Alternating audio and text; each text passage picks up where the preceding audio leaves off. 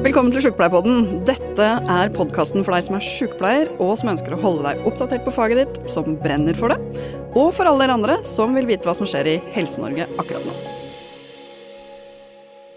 Velkommen til Sjukepleierpodden på jobb for deg. Her vil vi dele de ekte, nære og viktige historiene fra møter med sjukepleiere rundt om i landet. Ida og Vemund, det er våre to reportere.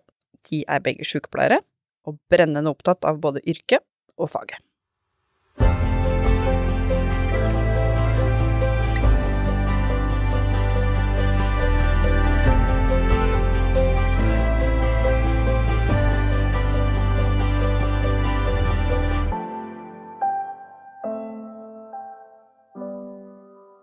Velkommen til eh, På jobb for deg. Jeg heter Ida og er sykepleier, og i dag har jeg fått med meg en annen eh, sykepleier inn i studio. Hun heter eh, Therese, og Therese har opplevd noe vi aldri håper en selv skal oppleve. Hun har vært pasient selv, og har gjort seg noen erfaringer ut ifra det. Så Therese, kan ikke du fortelle litt først hvem du er, da? Ja, eh, det kan jeg gjøre. Eh, jeg er jo 40 eh, år, trebarnsmamma først og fremst, og sykepleier. Og for to år siden, ca. mai 2021, så fikk jeg påvist meningiom. Det er da en hjernesvulst. Ganske ut av det blå, egentlig, men når jeg ser tilbake på det og tenker på tiden i forkant, så har jeg jo vært veldig dårlig, da, en lang periode. Eh, som har liksom påvirket eh, meg, da, i stor grad. Eh, svulsten, den satt litt frontalt, da, i hodet, i hodet, det vil si liksom i panneområdet. Og det påvirker liksom personligheten din mye. Så i den perioden i forkant så var jeg jo veldig annerledes, følte meg veldig annerledes. Jeg syntes ting liksom ble vanskelig. På jobb var det vanskelig, privat var det vanskelig. Um, Venninnene mine har sagt i etterkant at jeg var mer hissig, og det er jo vondt å høre. Uh, og jeg opplevde meg selv hissig og ble liksom frustrert da, over at jeg var uh, Tenkte så negativt. Og så var det jo uh, ting da, underveis som oppsto av symptomer. Um, jeg var veldig svimmel i perioder. Rundt ja, et halvt års tid før jeg fikk diagnosen, så var jeg så svimmel at jeg ikke klarte å gå. Eh, lå jeg bare rett ut hjemme, og da ble jeg sykemeldt, da, da var jeg ikke på jobb, eh, vel å merke. Men da eh, ble jeg liksom liggende, og så tenker man bare øh, øh, noe er galt, men jeg skjønte ikke helt hva som var galt heller, og så kompenserer man litt, og så, og så kommer man seg liksom opp på beina igjen og tilbake.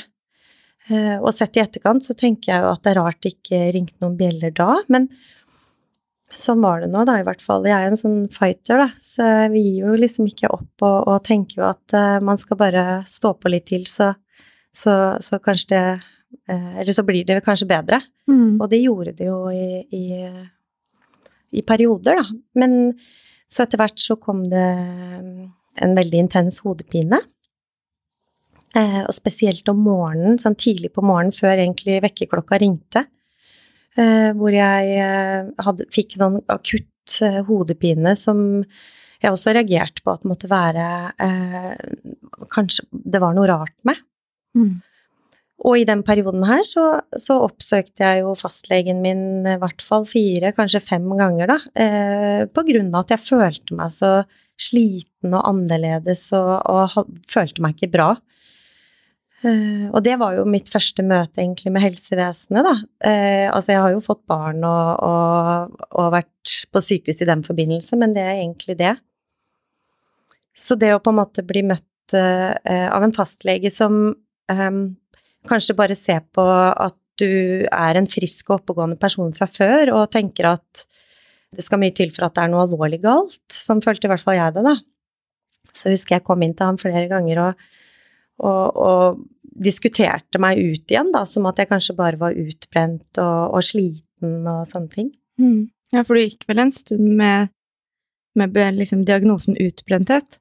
Ja, Eh, jeg gikk kanskje et års tid og følte meg dårlig, da. Um, og til slutt så tenkte jeg, eller når jeg hadde vært hos fastlegen til, frem og tilbake en del ganger, så tenkte jeg at her er det liksom ikke noe eh, hjelp å få, kanskje jeg må gå til en øre-nese-hals-lege, så jeg oppsøkte det.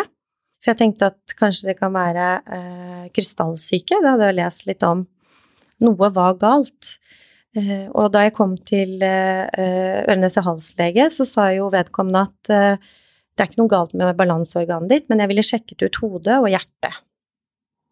Så hadde jeg noen kontakter i helsevesenet, så jeg sjekket ut hjertet. Der var alt tipp topp. Og så tenkte jeg hodet er det jo Kan vel ikke være noe galt med. I perioden så jeg jobbet jo fullt, og jeg trente, og jeg var mamma, og jeg var engasjert i verv og veldig aktiv, da, ikke sant. Men følte meg altså dårlig allikevel, da. Mm. Men um, til slutt så, så, kom jeg til fastlegen min eh, og hadde bestemt meg for at nå går jeg ikke herfra uten at jeg har fått eh, At det skjer en endring. Eh, for da følte jeg liksom at ikke det fungerte lenger. Og det var jo under covid, ikke sant. Det var pandemi, og jeg jobbet jo på sykehus. Og vi gikk jo med munnbind hele dagen, og det var omstillinger, og det var travelt, og det var annerledes. Alt var annerledes. Jeg husker jeg spurte kollegaene mine herlighet, har ikke du også veldig vondt i hodet, er ikke du utslitt og syns ikke du ting er veldig tungt om dagen? Jo, de bekreftet jo egentlig det. Mm. Så alt ble liksom litt kamuflert. Det var dårlig tidspunkt å bli uh, den type syk på, faktisk. Ja. Men uh, da jeg endelig, eller da jeg endelig kom til fastlegen min og, og fikk liksom banket i bordet med alt av plager jeg hadde, da, nok en gang, så fikk jeg heldigvis, eller endelig, henvist en MR, da. MR av hodet. Mm.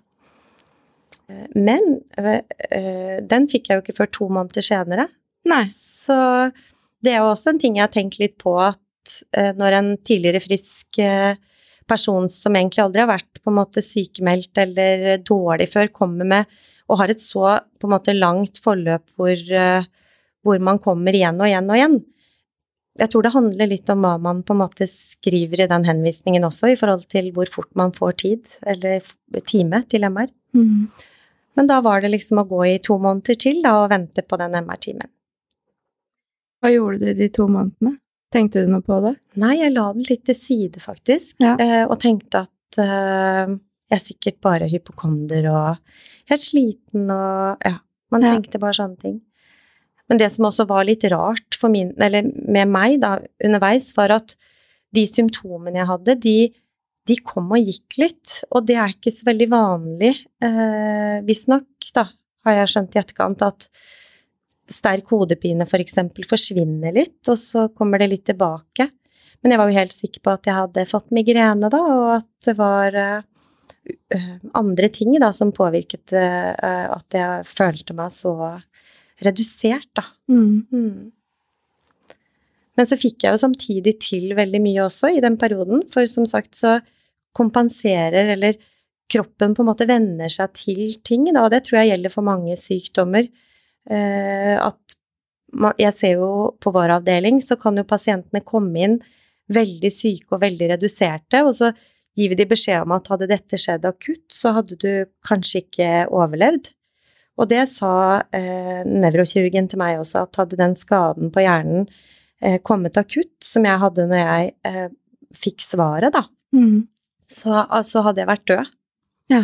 Eh, rett og slett, for skaden var såpass stor. Men, men hjernen og trykket og alt bare eh, eh, Ja, man venner seg til ting, da, underveis. Mm. Helt til det ikke går lenger, da. Ja, selvfølgelig.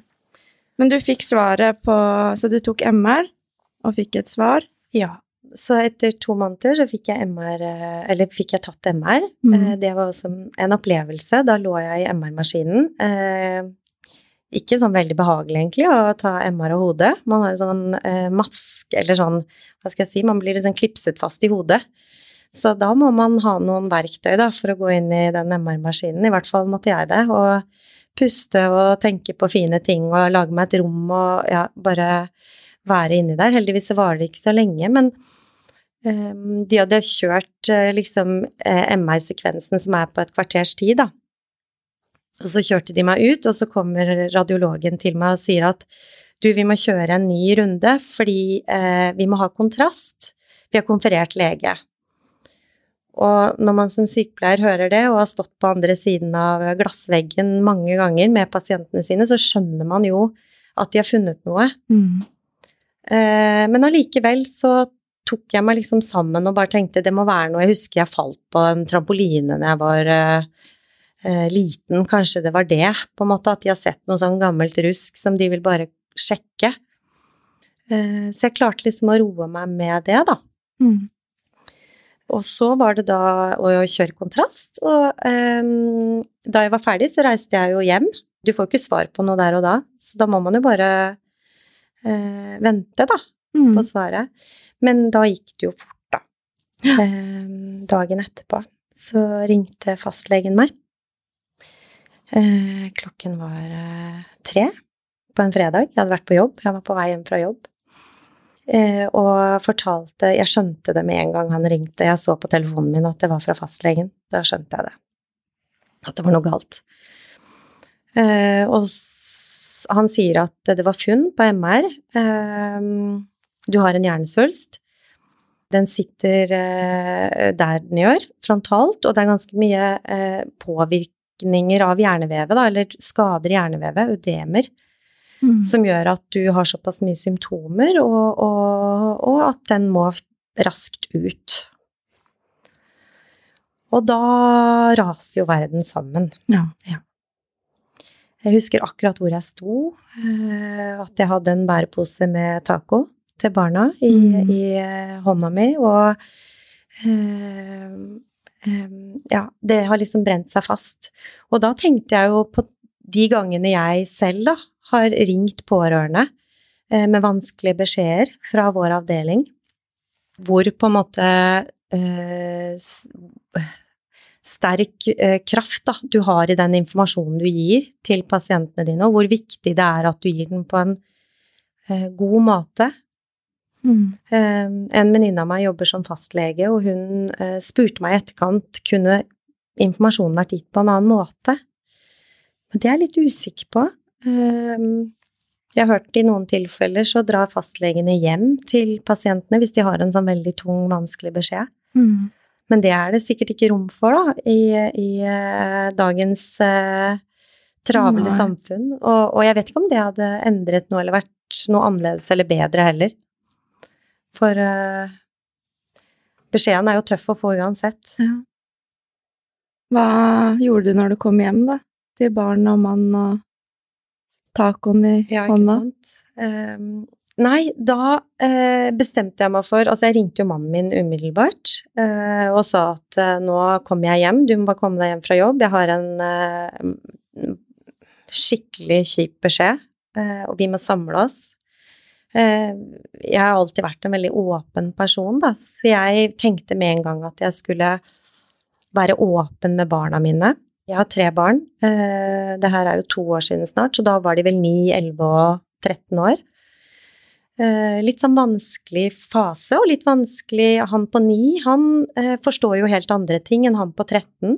Mm. Og så er det jo litt vanskelig å vite hvordan man skal informere barn. Eh, hva er riktig, hva er ikke riktig? Hvor mye skal man si?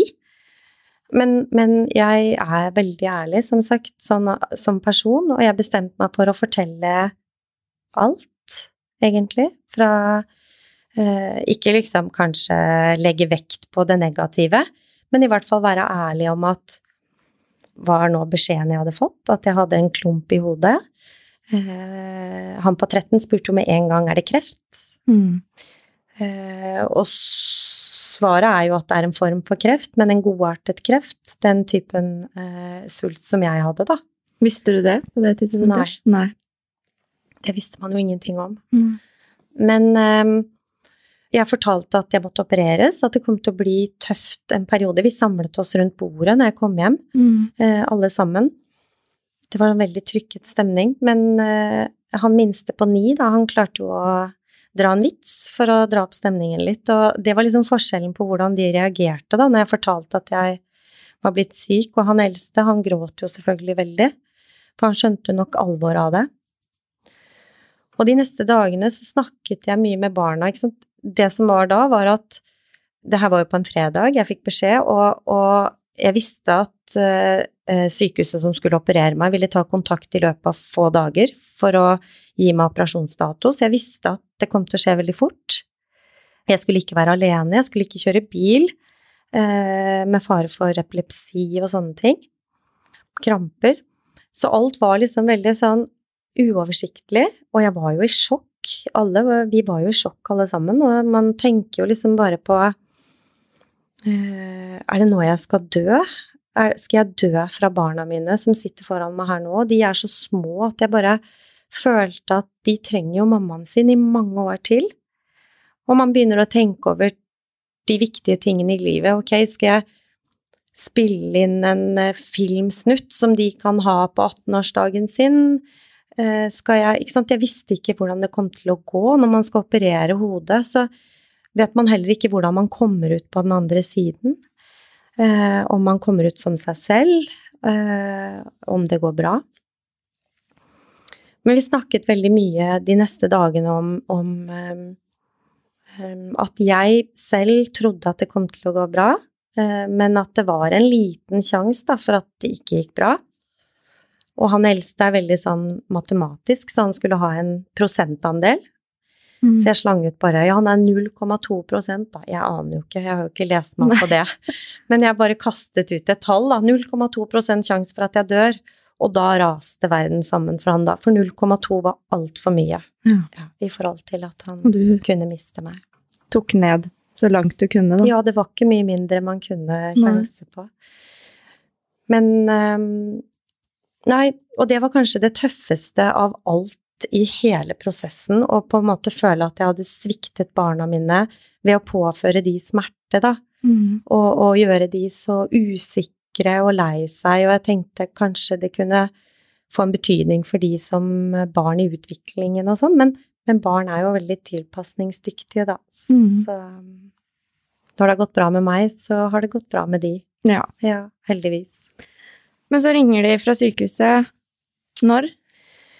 Du, det er litt sånn kaotisk, eh, men jeg ble kontaktet av en nevrokirurg samme dag. Ja. Fordi eh, jeg kjenner vedkommende litt via via. Og det var jo veldig eh, fint, fordi ellers Det her var jo en fredag. Ellers hadde jeg gått til mandag uten å egentlig vite noen ting annet enn at jeg hadde en stor svulst i hodet. Mm. Så da fikk jeg i hvert fall på en måte kartlagt litt, eh, bestemt hvor jeg skulle legges inn. Eh, vedkommende betrygget meg veldig, eh, selv om vedkommende ikke kunne si noe om det var godartet, ondartet, hvordan det kom til å gå. Bare den informasjonen da, jeg fikk der og da, var utrolig viktig. Og det tror jeg det handler veldig mye om når man får en så tøff beskjed. Dette med informasjon. Mm. Eh, er eh, ekstremt viktig. For det er vel det man gjerne søker etter, når man, eh, man vil vite så mye som mulig, da?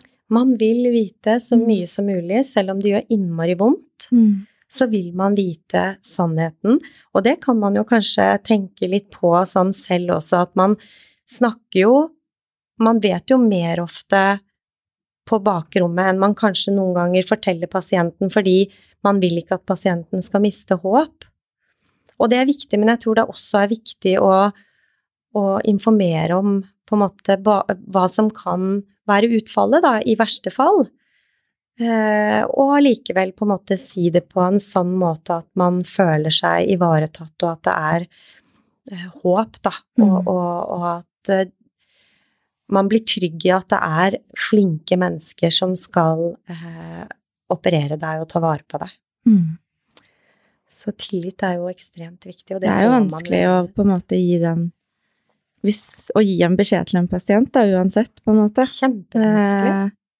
Eh, altså, man kjenner jo ikke heller vedkommende så godt. Sånn det at du hadde noen du kjente fra før av, visste jo litt hvordan type beskjed jeg kan gi til deg. Mm. Men det er jo det som er litt av utfordringen. Det er er dette for mye for deg, eller er det for lite for en annen? Altså, ja, ikke sant. Man må jo kanskje være litt menneskekjenner, da, i mm. dette yrket, og det er vel kanskje det vi er kjent for å være gode på, da. Mm.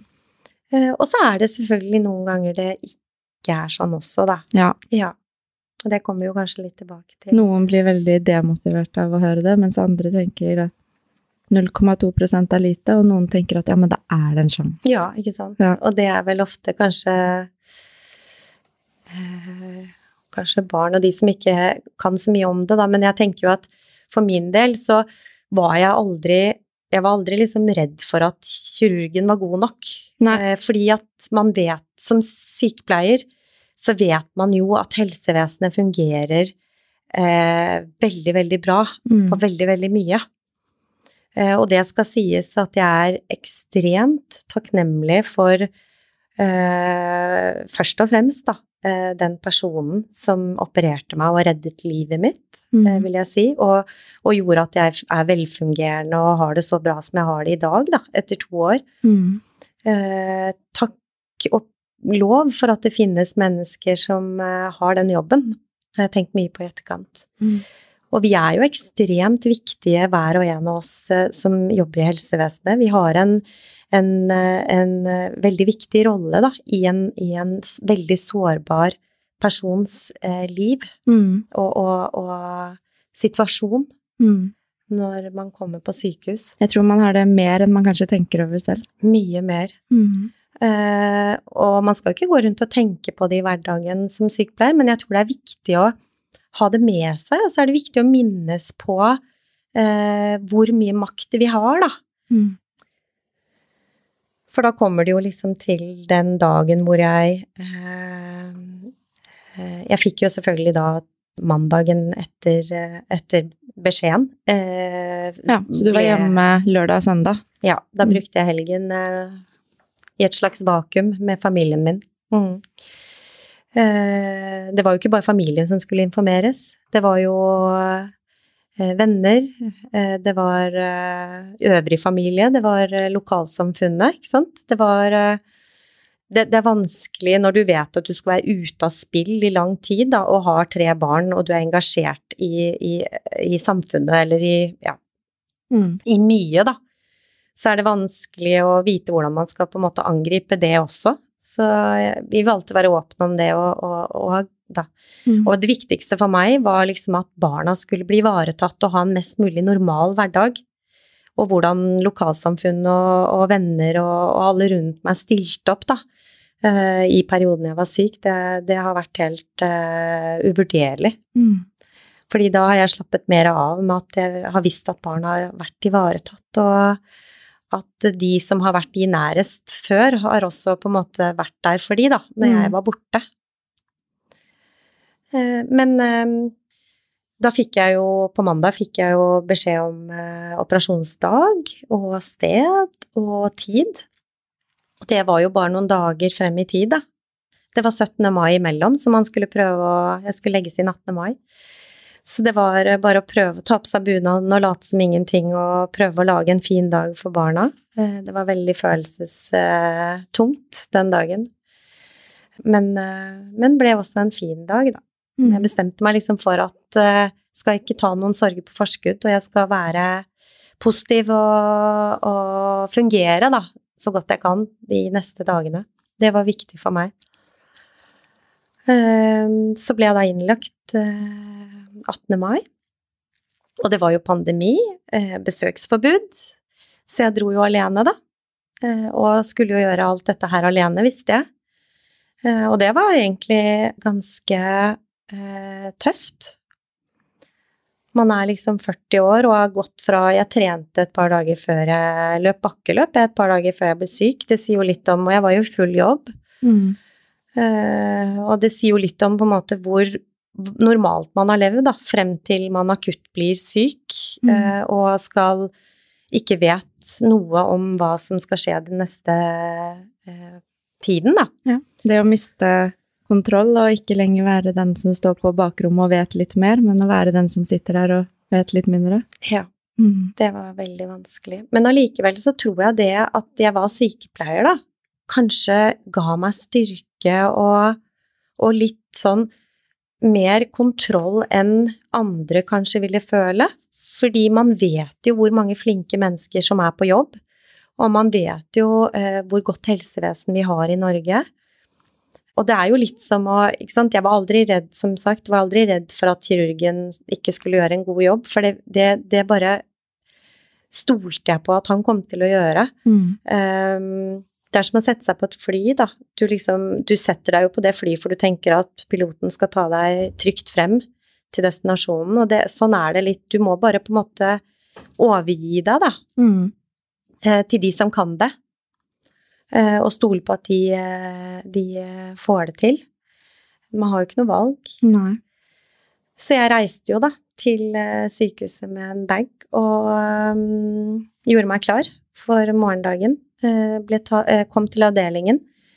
Um, og det var jo en Altså, da brukte jeg jo litt av de sansene mine som sykepleier, da, når jeg kom inn på avdelingen der og, og var livredd og, og tenkte Altså, på en måte så gledet jeg meg litt, på en sånn rar måte, til å bli tatt imot og starte, da, på det som skulle få meg frisk. For jeg hadde vært dårlig så lenge og tenkte at her er det jo bare Det kan jo bare bli bedre, selv om jeg vet at det blir tøft. Og så hadde jeg litt forventninger til hvordan det skulle være å være pasient. Og da jeg kom til avdelingen, så merket jeg fort stemningen i avdelingen, da. Det er jo noe jeg har tenkt på i etterkant, at stemningen i avdelingen eh, smitter fort over på pasientene. Eh, og det var travelt, det merket jeg. Det var full avdeling, og det var travelt, og, og sykepleierne løp, på en måte, eller gikk fort. Og da bare smiler man litt og tenker ja, det her er jo Det er jo sånn det er å, å være på sykehus. Det er jo travelt. Det kjenner man jo selv. Eh, og så kommer jeg til eh, personalrommet og henvender meg der og sier hvem jeg er, og eh, der var du, ja. Therese. Jeg tror ikke hun sa velkommen engang. Hun sa bare gå til venterommet, så skal vi si fra når det er en ledig seng. Så tenkte jeg jo med ett at jeg trenger jo ikke noe seng. Jeg trenger jo egentlig bare å bli ønsket velkommen og tatt i hånden og, og sett i øynene og, og, og, liksom på en måte føle at uh, noen er der for å passe på meg. Det var det eneste jeg på en måte trengte der og da. Og kanskje berolige meg med noen ord og, og bare vite at du er ivaretatt, da. Mm. Bli sett i øynene og Ja, bare det der enkle med å bli sett i øynene og eh, at de sier 'velkommen til oss'. Eh, men, men, det var travelt, og jeg tenker at det kan skje, eh, skje i den beste, på en måte Den beste, men, men, poenget mitt er kanskje i ettertid hvor viktig det er med den mottagelsen, da, når du kommer, når du får en pasient, eller når du er pasient og kommer på avdelingen, for å føle seg på en måte ivaretatt resten av nesten sykdomsforløpet. Det her å bli sett og, og, og kanskje lagt en hånd på og føle at man er velkommen, da, dit man kommer. Mm. Det er så enkelt, men det betyr mye. Mm. og jeg var jo livredd, jeg var jo helt traumatisert av den beskjeden jeg hadde fått i forkant, og jeg hadde jo ikke, ikke med meg noen heller. Men jeg satt nå på venterommet, da, og jeg satt der lenge kjempelenge. Og det var jo ingen som kom innom og, og, og snakket med meg da heller. Det var en som kom innom med en hvitkledd, jeg vet ikke om det var sykepleier eller uh, hva det var. Presenterte seg ikke, kom innom og sa ga meg noen skjemaer da jeg skulle fylle ut, og et sånt ID-bånd og litt sånn. Og man sitter der, så um, retter man seg opp i ryggen for hver eneste hvitkledde person som går forbi, om det er vaskepersonale eller kjøkkenpersonale, eller om det er en sykepleier eller hvem som helst, fordi man tenker at nå er det min tur, nå kommer de med en beskjed, eller nå det nå skal jeg Og ja, man sitter liksom og strammer seg litt opp og tenker at endelig, nå kommer de. Men det tok lang tid, og sånn er det jo. Det vet jeg jo. Men den første som egentlig hilste på meg og, og uh, sa navnet sitt, det var en portør. Ja. Uh, og det er jo en observasjon jeg syns er litt sånn Ja, som jeg har tenkt på i etterkant, da, at det, var, det, var, den personen som hilste på meg ved navn, da, og, mm. og, sa at nå skal jeg kjøre deg til MR og CT, og, og det visste jo ikke jeg nå om at jeg skulle. Nei. For jeg hadde jo ikke fått noe informasjon. Men det var nå greit nok. Eh, og så ned på MR CT, der, der har de jo Når man kommer inn i et sånt lite rom eh, og skal gjøre en prosedyre, så har de jo veldig gode ikke sant, eh, rutiner da, for hvordan de tar imot pasienten, og da er det jo liksom én til én, og de gir deg grundig informasjon om undersøkelsen, eh, og eh, hva du kan på en måte kjenne på av eh, bivirkninger, da, eller ikke sant, av kontrastvæsken og sånne ting. Og så fort man får informasjon, så føler man seg trygg. Mm. Det er rart, det der. Eh, Så det var egentlig liksom bare fint. Og når jeg kom tilbake til avdelingen igjen, ventet litt til, og da fikk jeg endelig snakket med nevrokirurgen som skulle operere meg, da. Og da fikk jeg masse eh, god informasjon. Så det kom litt ut på dagen, det, da? Ja, det var en del timer senere. Ja. Eh, som jeg egentlig ble liksom på en måte Fikk snakke med noen, da. Mm. Det var ganske mange timer etter at jeg var kommet til avdelingen, ja. Mm. Mhm. Og jeg tenker sånn, som sykepleier så forventer man kanskje at det skal komme noen og sette seg ned og bare Du vet den der gode, gamle innkomstsamtalen, Mm. eh, hvor man eh, blir litt kjent, da. Men jeg vet ikke om det Om man Det er kanskje nedprioritert, jeg vet ikke. Eh, hvis man har det hektisk. Men det var i hvert fall ingen som spurte meg, ingen sykepleiere som spurte meg om noen ting når jeg kom da, til avdelingen. Eh, Men så fikk jeg jo et rom og en, eh, en sykepleier som viste meg rommet, og selvfølgelig hilste pent og, og tok meg med inn på rommet. Eh, Og da var det liksom utpå ettermiddagen, og jeg fikk selvfølgelig alt jeg trengte av mat og drikke og sånne ting, men jeg fikk Det var på en måte ikke så mye informasjon. Nei. Og det reagerte jeg kanskje litt på i etterkant, at eh, det ikke var noen som satte seg ned ved sengen min og pratet med meg og informerte meg, da. Mm. Eh, godt, for det er jo egentlig det eneste man ønsker. Mm. Det er ikke så rart, det, at man ønsker det. Nei, Og så er det vel kanskje noe med at man, der man kommer fra, er man vant til at man gjør det. Så kjenner man ikke rutiner andre steder. Jeg vet ikke. Nei. Eller eh, var det korona? Ja, ikke sant. Jeg har tenkt på det også. Det var jo eh, korona. Kanskje man Kanskje terskelen for å sette seg ned ved sengen til pasienten var høyere. Mm. Var det fordi jeg var sykepleier, og de tenkte at jeg Dette kan hun kanskje, eller dette vet hun, eller Det var skummelt fordi jeg kom til å spørre vanskelige spørsmål. Jeg har reflektert mye over det i etterkant, da. Men eh, jeg syns på en måte informasjonen kunne vært bedre i forkant, og i etterkant også, for den Mm. saks skyld. Mm. Og så kom jo operasjonsdagen, da. Det var dagen etterpå. Mm. Ja. Hadde jo vært veldig fint om sykepleieren da på morgenen satte seg ned i to minutter og bare sa noen trøstende ord og tok på hånden min og så meg i øynene og ønsket meg liksom Lykke til. lykke til. Ja. Men jeg tenkte kanskje at det er vel travelt, og kanskje ikke jeg er prioritert til eh, en samtale nå, så man, man lager seg jo opp bare sånne unnskyldninger. Men, og jeg vet jo også samtidig at det er ekstremt hektisk på eh, sengeposter. Eh, jeg snakket med en, eh, en sykepleier som jobber på en type sengepost, vanlig sengepost. Eh, jeg jobber jo på en litt annen, litt mer avansert avdeling hvor vi har færre pasienter, og kanskje det er enklere da å være til stede hos hver og en pasient og gjøre alle disse tingene. Men, men eh, det, med, altså det er jo ikke noe nytt at man snakker mye om eh, sykepleier og press og stress og hva man står i, at man ikke har tid og føler man går hjem med, med, en dårlig, med en dårlig magefølelse for man ikke har gjort nok for pasientene sine.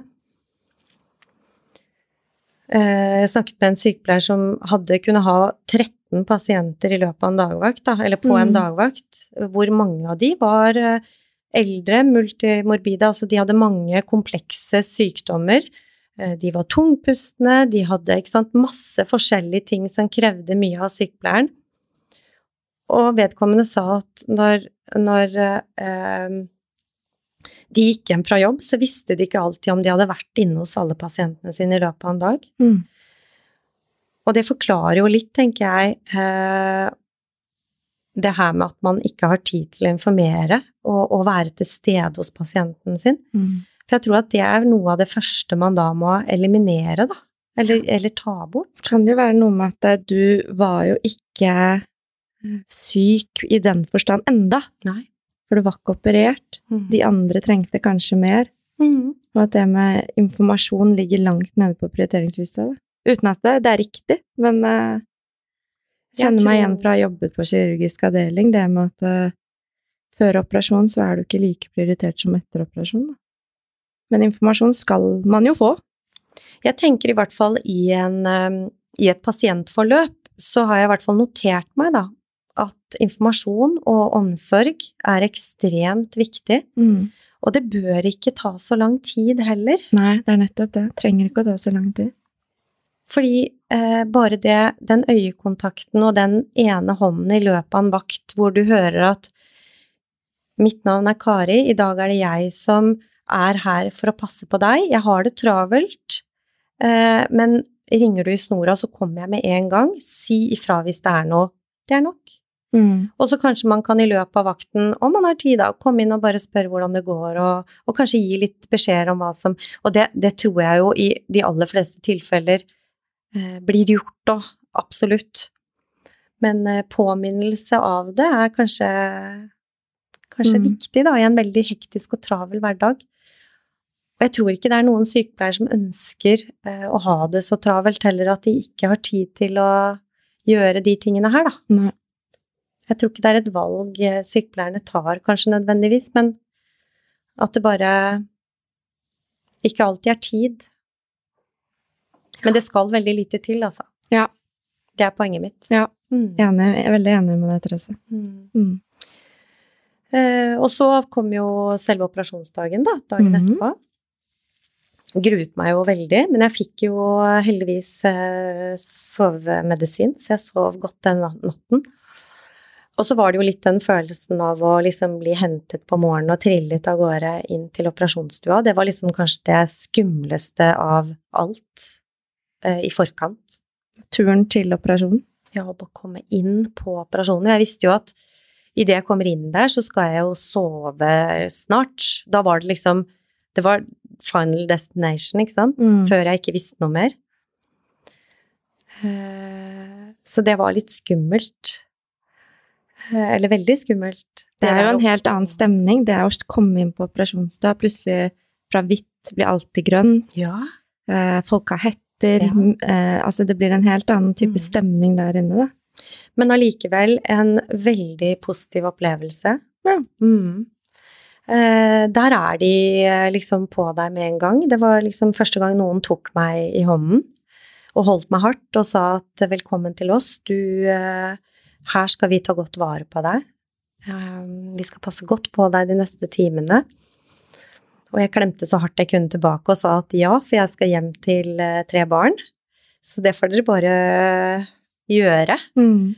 Eh, Da ble han litt sånn rar i blikket, da. Stakkars, det er mye ansvar å, å ta som en anestesisykepleier. Men eh, de hadde bare veldig varme, varme hender og varme blikk som gjorde at det jeg gruet meg mest til, eh, ble liksom en av de fineste opplevelsene Mm. før jeg da eh, sovnet, da, eh, i narkose. Um, så var jeg jo borte i fem-seks timer, da. Ja, det var såpass lang operasjon. Mm. Uh, og heldigvis uh, våknet jeg igjen. Var du redd for det? Ja, men Jeg tror det er mange som er redd for det med Mm. Å på en måte ikke våkne. Altså at man er redd for narkosen. Da.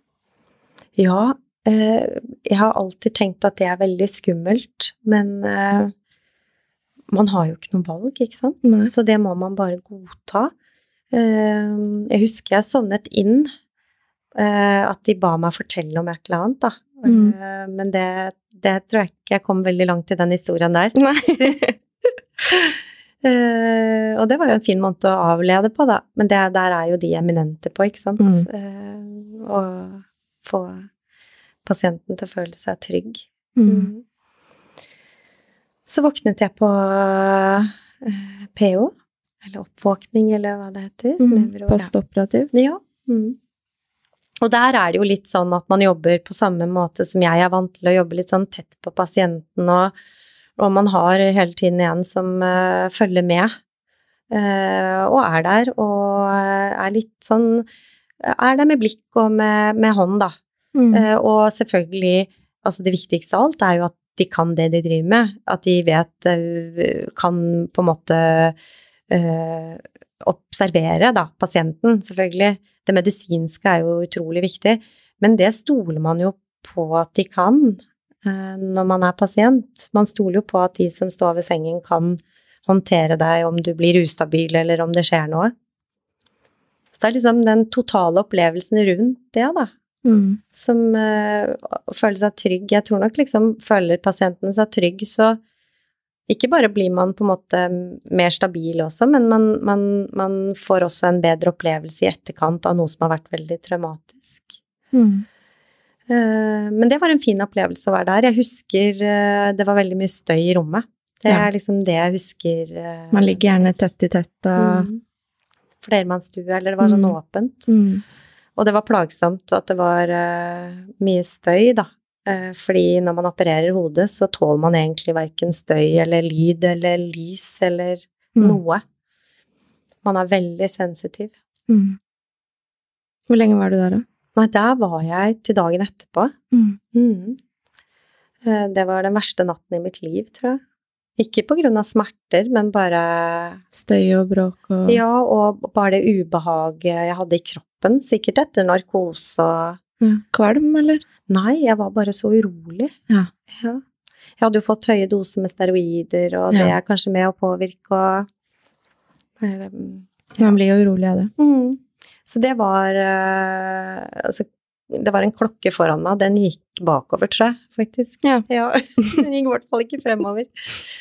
Men så Og jeg hadde jo i forkant eh, eh, snakket med noen venninner av meg som jobber på anestesien på nevrokirurgen, så jeg var godt informert om hva slags utstyr jeg våknet med.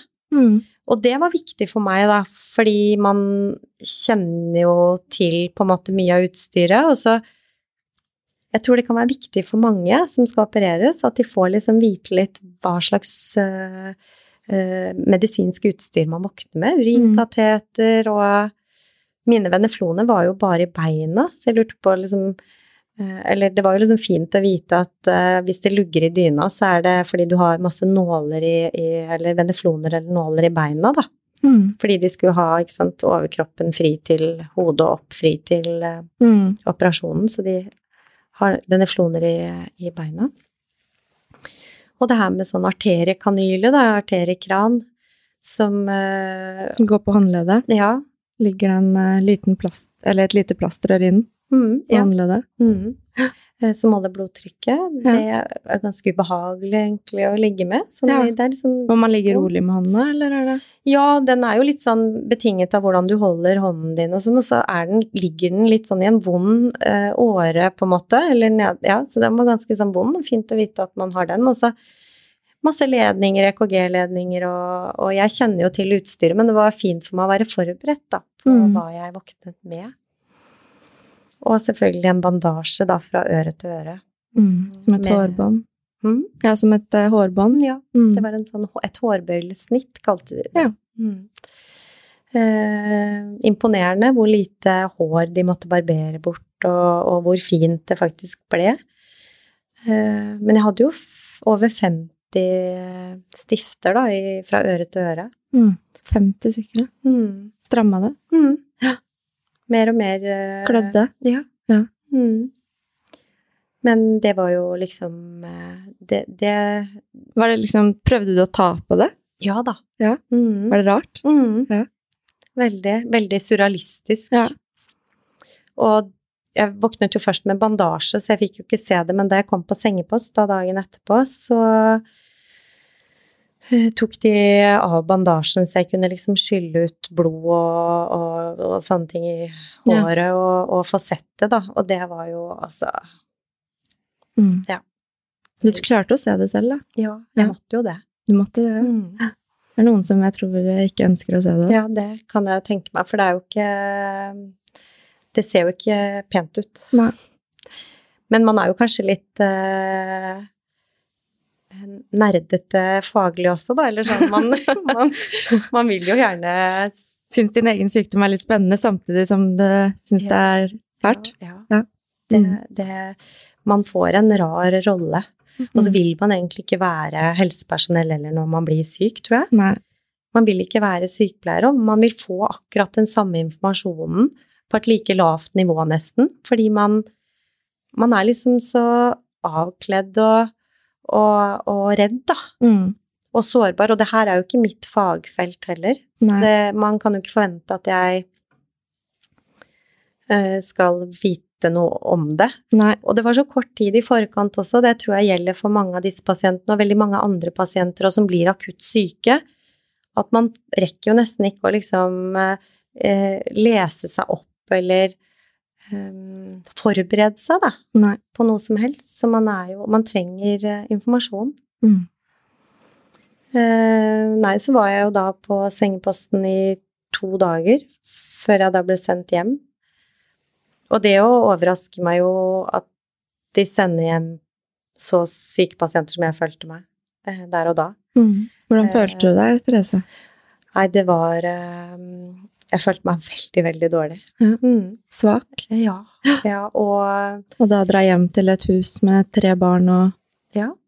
Det ble jo liksom ikke kartlagt uh, hvordan hjemmesituasjonen var. Nei. Og jeg tenker det å reise hjem til tre barn er kjempekrevende, men jeg var jo heldig å ha noen rundt meg Mm. uh, som tok vare på meg.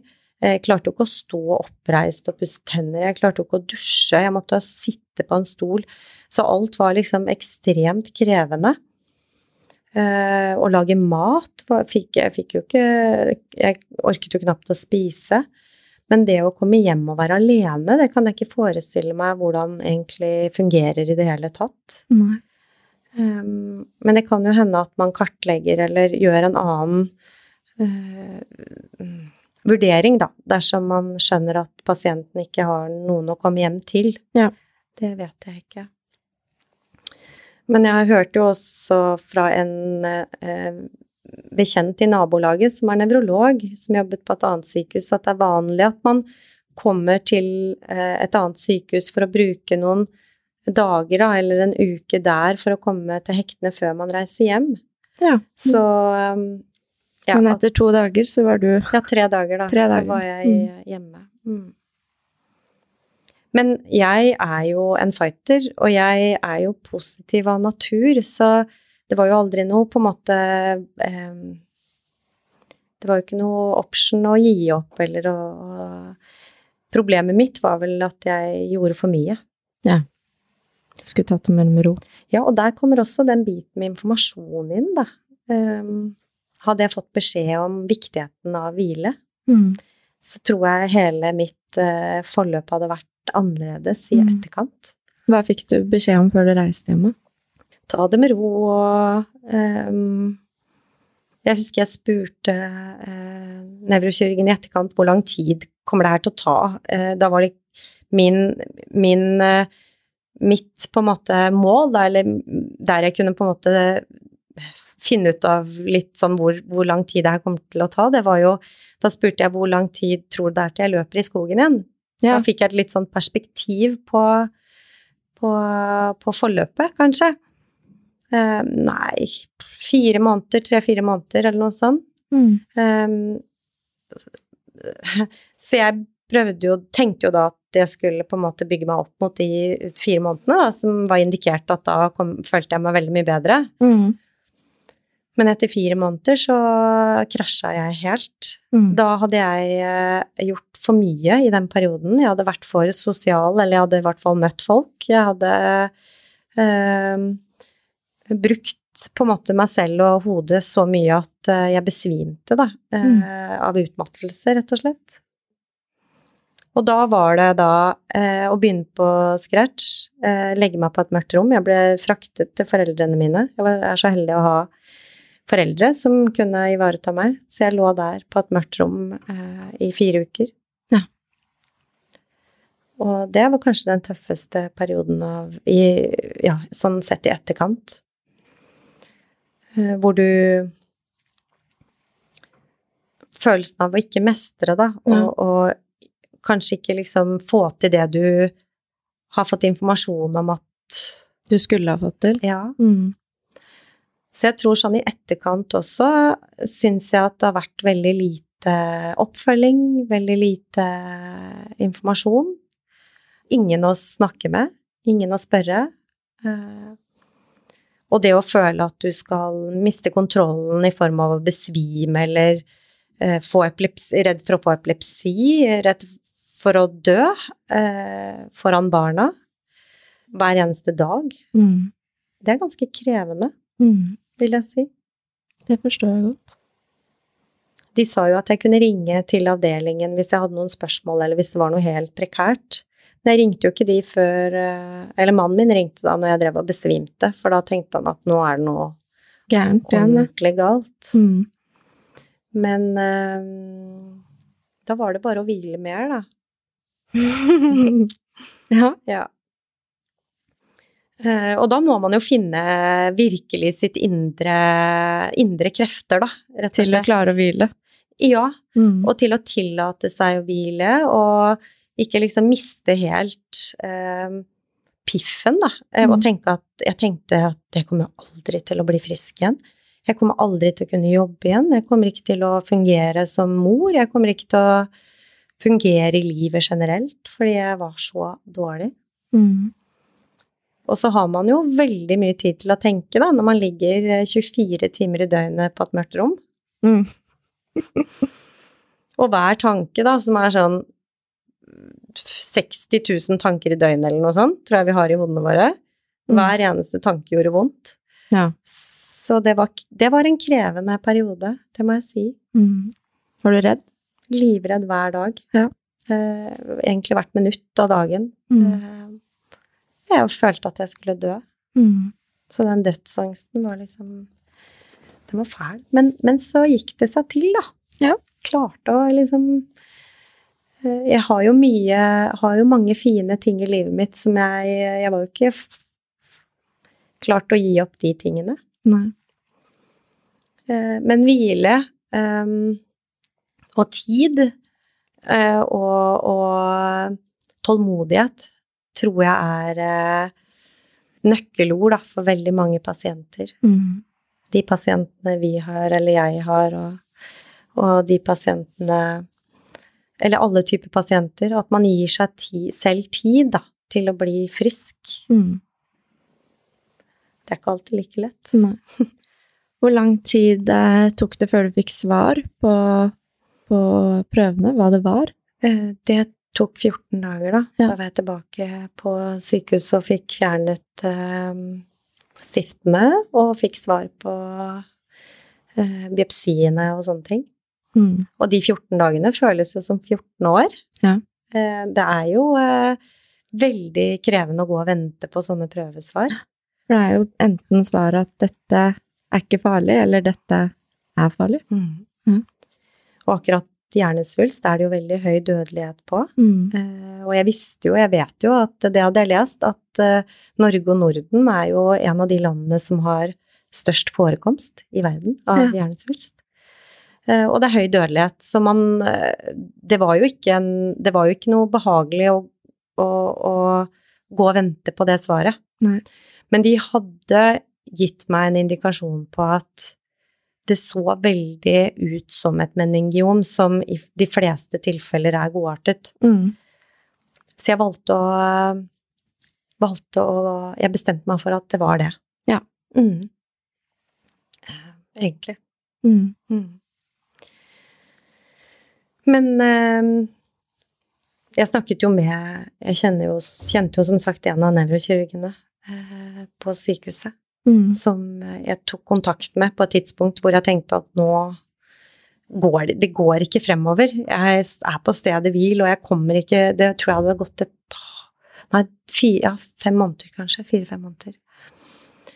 Eh, og det var en god samtale, fordi da fikk jeg litt påfyll av informasjon om at det her er forventet forløp. Eh, du blir bedre. Eh, du må bare gi det tid. Og da slapper man liksom litt av med det, da, og, og tenker at eh, ja, men da skal jeg holde ut. Mm. Det er litt det å vite at det var ikke noe feil med meg likevel, på en måte. Nei, jeg skal ikke dø. Jeg Nei. skal faktisk Det bli er- bedre. Det tar bare innmari lang tid. Ja. Og krever tålmodighet, da, som man kanskje ikke har, fordi man er midt i livet hvor man er vant til å være høyt og lavt. Mm. Så det er en kunst, da, å lære seg å bremse. Mm. Men det eh, Da anbefalte jo vedkommende meg å, at jeg skulle få et opphold på rehabilitering. Mm. Eh, det tenkte jeg at det kan ikke jeg. Eh, fordi det er jo kanskje litt sånn, i hvert fall når man er, jobber i helsevesenet, så tenker man at rehabilitering, det er litt sånn betent. Eller da, du, da får du det ikke til selv, i hvert fall. Da må du ha hjelp. Eh, men eh, det var et vendepunkt, da, for meg. Og jeg dro dit. jeg fikk innvilget opphold. Eh, litt om og men da, hvor jeg skulle være, og hvor lang tid det tok og sånn, for jeg ville jo inn så fort som mulig, for jeg tenkte at jo fortere jeg får hjelp til å bli bra, jo fortere er jeg tilbake i arbeid, og jo fortere er jeg tilbake som mamma og i livet generelt. Mm. Så det å få beskjed da om at du må vente åtte måneder på rehabilitering, det var helt uaktuelt. Jeg ville jo gjøre det når det var mest behov, og det var da, og heldigvis så finnes det eh, Altså får man, er det lang ventetid et sted, så, så kan det være at det er andre steder som har et tilbud tidligere, da, som Mm. passer til deg, og da er det eh, et sånt eh, eh, RKE, tror jeg, regionalt, et eller annet sånt eh, eh, Ja, nå husker jeg ikke hva det heter, men i hvert fall du kan eh, du kan få, det er på Sunnaas, da, som du kan få på en måte hjelp koordinerende enhet, eller noe sånt. Regional koordinerende enhet, heter det. Ja. Hvor du kan få hjelp til hva som finnes av muligheter, da. Og det er jo mye muligheter der innenfor eh, det her med rehabilitering og, og, og eh, rekreasjon, da, i etterkant av sykdom. Eh, Så jeg fikk jo ganske raskt, egentlig, innvilget opphold, og tok jo med meg en bitte liten bag, for jeg tenkte at dette her er fort gjort. Men jeg ble der i fem uker. Ja. Mm. Og da fikk du den hjelpen du trengte. Ja, eh, jeg syns den delen av helsevesenet eh, imponerte meg. Eh, Så jeg har tenkt mye på i etterkant hvorfor var det så bra? Hvorfor var rehabiliteringsdelen så bra? Hvorfor ble det et vendepunkt for meg når jeg var veldig, veldig dårlig? Og det tror jeg er sammensatt, da, men, men rehabiliteringsdelen, i hvert fall der jeg var, eh, men jeg tror det er generelt for rehabiliteringer, da, er at de jobber veldig godt tverrfaglig, og den ene utfyller hverandre i roller, sånn som du får noen å snakke med. Det tror jeg ikke er dumt. Selv om jeg er ganske robust psykisk, så tror jeg det er lurt å um, prate med noen i etterkant. Mm. For å bearbeide tanker og, og få litt sånn satt ting i perspektiv, da. Mm. Og så er det jo noen som er, hjelper deg å trene riktig. For min del var det jo å begrense trening, og for andre kan det jo være å øke trening. Og så var det ikke sant, du får måltider til riktig tid, sånn at du får i deg mat og næring, og så får du Og så var det jo selvfølgelig også informasjon, da. Jeg fikk Mm. masse informasjon. Mm. Endelig. Mm, endelig. Etter åtte måneder. Mm. Da fikk jeg svar på ting som jeg hadde lurt på, og da Jeg tror bare det der, ja, med den tryggheten man får eh, når man får svar på spørsmålene sine, og at det er helt normalt. Mm. Jeg fikk beskjed om at det kan ta tre år, opptil tre år før du føler deg som deg selv igjen. Og så deilig. Nå har det snart gått to år, og jeg begynner å føle meg som meg selv. Da føler jo jeg mestring. Mm. Jeg ligger foran, jeg, skjemaet nå. Kontra kanskje det jeg gjorde når jeg fikk beskjed om at uh, det kommer til å gå fort. Mm. Da føler man jo bare at det lugger, ikke sant? Og at Mm. man ikke får til ting, og Har du løpt i skogen, Therese? så vidt. Ja. uh, ja, og det er jo eh, Jeg må klype meg i armen, da, for Ja. det er jo ikke Det er jo ikke en selvfølge, noen Nei. ting. Det er ikke en selvfølge å kunne gå på jobb.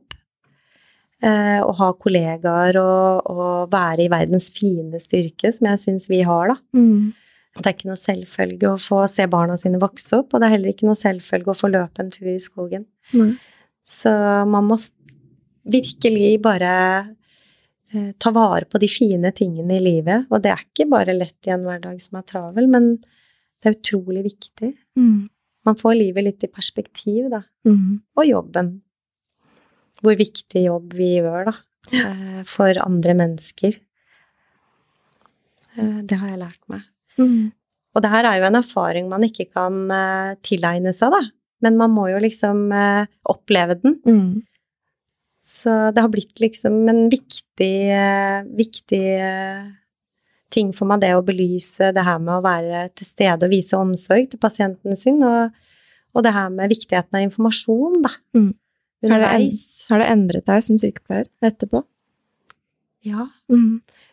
eh, jeg tror det. Og jeg tenker at eh, Ikke sant, jeg ser for meg et scenario på jobb hvor du bare Therese, kan du hjelpe meg å forflytte pasienten på det og det rommet? Må høyere opp i senga. Eh, Ja, ja, kommer, med, kommer nå. Og når du egentlig da skulle vært og gjort noe annet, så er man litt sånn i fart, forbifarten og kommer inn på rommet.